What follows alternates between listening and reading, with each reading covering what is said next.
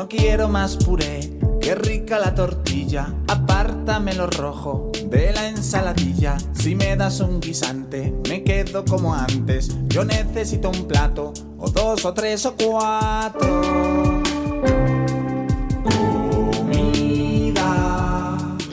Ai, sí, menjar, menjar, la, la, la, la, la, com diu aquesta sintonia. Passen 7 minutets i mig del punt de les 5 de la tarda. Va, que és hora de donar pas al doctor Nutrició i capità d'aquest espai, que es diu Nutrició de Veritat. En Guille Mena, que el tenim a l'altra banda del fil telefònic. Guille, bona tarda, bon dimecres, com estàs? Molt bona tarda, menjar, menjar i menjar. Escolta, menjar, menjar i menjar. Avui, per cert, eh, toquem unes menges que en algunes taules porten petites discussions o petits debats. Avui parlem del peix, en termes així eh, ah, generals. mira, he dinat eh? llobarro. Sí? Mira, jo, jo vaig menjar bacallà el divendres sant. De ben segur que molts dels nostres oients el divendres sant també hauran consumit de peix, per allò que diuen les tradicions o les religions, o vaja, a, a, a, al final el plat allò que posen. I en el meu cas em van dir que divendres passat divendres sant hi havia bacallà en carxofa.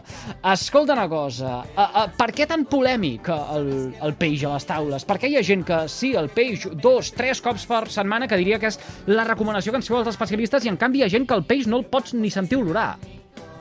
Sí, és veritat, ara que ho dius, sí, és així. Bueno, primer parlem, no?, una miqueta de, de quina quantitat de peix és la que s'hauria de consumir en una dieta equilibrada i saludable. Um, si parlem de peix blanc, no?, que seria aquell peix que normalment la cua no té forma de lluna i és així amb menys greixós, com el rap, el llogarro, la daurada, el bacallà, doncs aquest l'hauríem de consumir dos tres vegades. I si parlem de peix blau, estaríem al voltant d'una o dues racions, i és aquell peix, no?, pues, és que és com el salmó, la tonyina, el brat, eh, i també entren aquí els, els mol·luscs i els cefalòpodes, o sigui, el pop, el calamar, la sèpia. Aleshores, mm.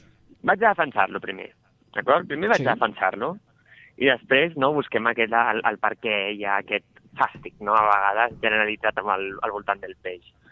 El peix és, és un aliment, d'acord, que amb, amb poca quantitat ens, ens aporta molts minerals. Um, si és blau, un greix poliinsaturat que s'ha relacionat amb una millor estimulació del sistema immunològic, de previndre malalties cardiovasculars eh, i problemes, per exemple, com l'arteriosclerosi i una proteïna de qualitat. Ara bé, anem al contra. Nutricionalment, el peix blau té un contra. Els peixos són grans, d'acord? Com els grans salmons, els grans, les grans tonyines, a, a la, les tintoreres, no? Què passa?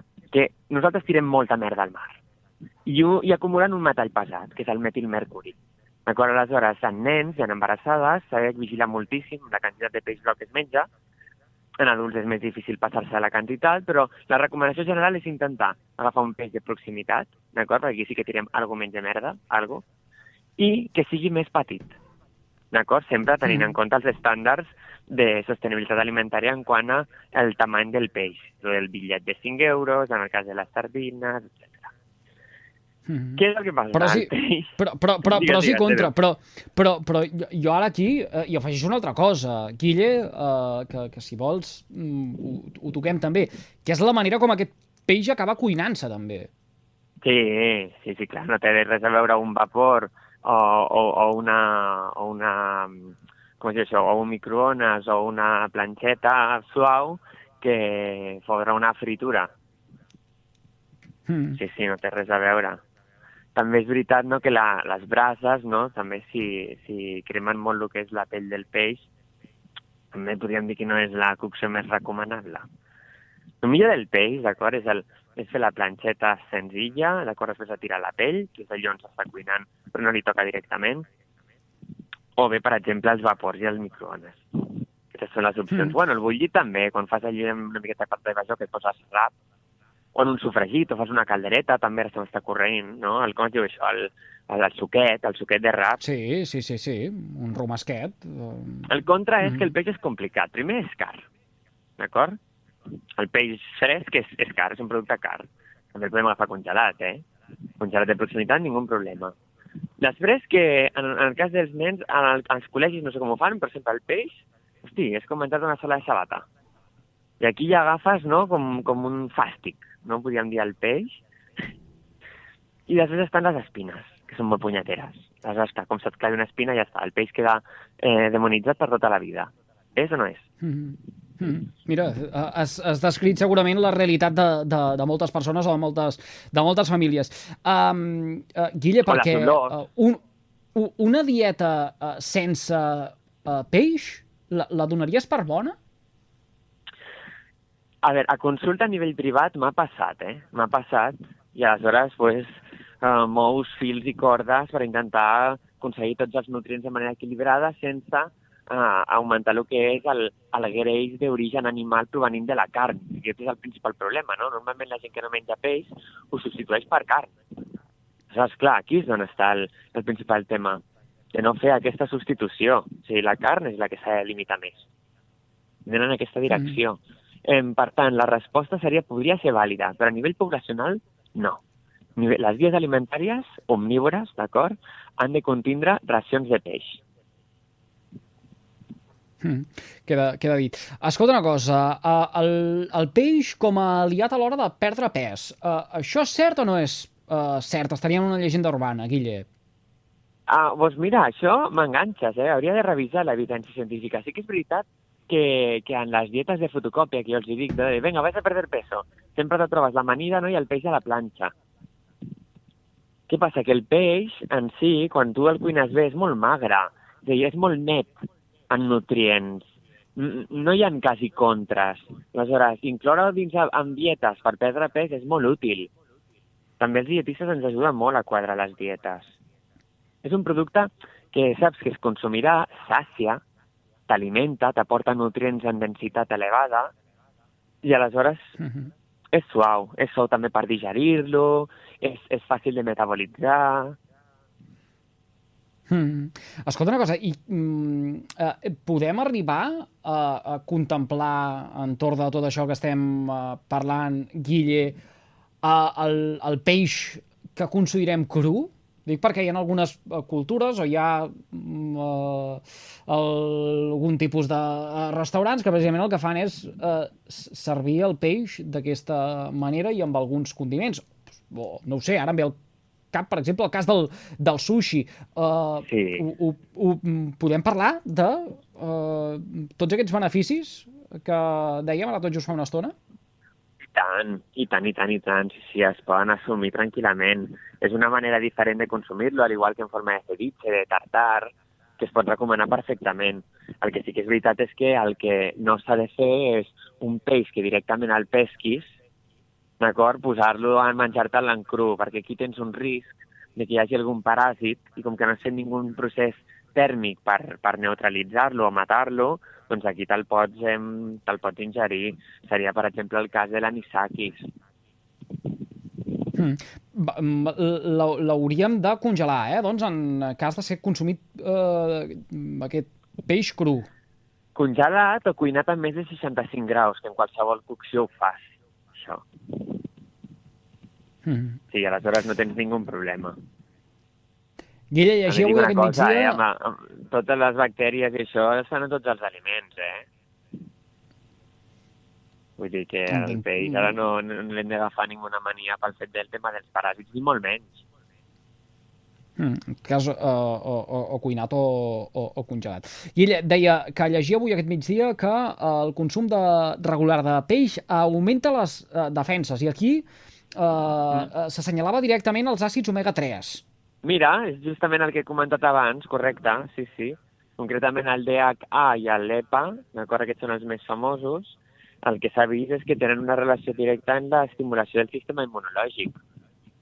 Sí, és així, és així de ser. De fet, ara no t'ho sé segur, però no, sí, sí, sí, hi ha una autorització a nivell europeu per fer una al·legació nutricional sobre aquest tipus d'àcids grassos, sí, sí. Mm. I eh, relacionat amb tot això, eh, deia també que eh, tant els peixos blancs com els blaus protegeixen la salut del nostre cor. Eh, D'una banda perquè eh, no contenen grassa i de l'altra perquè la grassa, en aquest cas dels blaus, és beneficiosa per la salut cardiovascular. És un bon resum, és un bon resum, correcte. A més a més, no, també el que s'ha vist és que eh, poden millorar el que és el control del colesterol que tenim al, al nostre plasma, a la nostra sang, eh, sobretot d'aquell colesterol que podria preocupar-nos més com és l'LDL. I també i també s'ha vist no, que podria tindre un lleuger efecte sobre la disminució dels triglicèrids. No, sí, és fàcil de defensar el peix, és fàcil. Per això hem de treballar-lo una miqueta, més les persones que, per exemple, no els agrada, trobar aquella forma de cocció que els agradi més. Hi ha una forma que a mi em triomfa sempre, que és d'agafar el que és el peix amb barrites de merluza i rebossar-los amb ou i, i, i pa integral torradet, o, o pot ser crunchy, vinga, ja no te'l poso en integral. I aleshores tu això ho poses al forn i queda boníssim, queda boníssim. I si el, mulles amb una miqueta de soja, està bo, espectacular. Sobretot per aquells que no són tan amants del peix. Sí. Mm. Mm, uh, sobretot tenint en compte que aquest arrebossat seria sense uh, fregir, eh? que estem fent alguna cosa semblant a una... A una uh, sí, per això al forn, sí. Po podríem arribar a contemplar, en aquest cas, la uh, fregidora d'aire, que ara s'està posant molt de moda? Sí, sí, i tant. I tant, i tant. Queda superbé. Queda molt bé. Mm. Parlaves, uh, Guille, abans de uh, vigilar amb, amb els peixos de mida gran pel mercuri que poden arribar uh, sí. a contenir degut a la brossa que acaben doncs, uh, consumint. Uh, quina seria aquí la mesura de peix que podríem arribar a consumir? No ho sé. Uh, ara jo estava pensant en el peix espasa. A mi aquest és un peix, per exemple, Exacte. que m'agrada a la planxa. Uh, però hauríem de vigilar, doncs. Sí, bueno, una, una manera molt fàcil d'això és quan estiguem a la peixateria o al supermercat, d'acord? És a dir, hi ha tamanys i tamanys de peix. Però sempre intentar agafar el més petit, i està, amb això ja ho minimitzes. Si estàs al supermercat i veus els talls, doncs intentar agafar la part més petita. És a dir, si tu vols, per exemple, 200 grams, doncs és millor agafar 100 i 100 del peix que vegis que és més petitet. Ala. Mm. Uh, parlaves ara també, tot just fa una estona, del peix i del, i del marisc deies, però, uh -huh. eh, clar, eh, posar tot el mateix sac és una miqueta arriscat. A veure, amb el, amb el cas del tipus de greix que porten, no, perquè és molt similar, però sí que és cert no, que el marisc té altres eh, components que, que en peixos no es troben. És a dir, hi ha minerals que estan molt més concentrats, com per exemple podria ser el ioda. Um, també és cert no, que un excés de consum de marisc eh, que ojalà el tingués, el que et pot provocar és un problema d'acumulació d'àcid úric, que això també es sap, el, el, el mm. famós, la famosa, famosa malaltia de la gota. Però també sí. una cosa, la vivència amb això és, se tambalea mucho, eh? O sigui, amb, amb l'alcohol està clar, pues en el cas del peix o del tomàquet o del marisc no, no està del tot establert.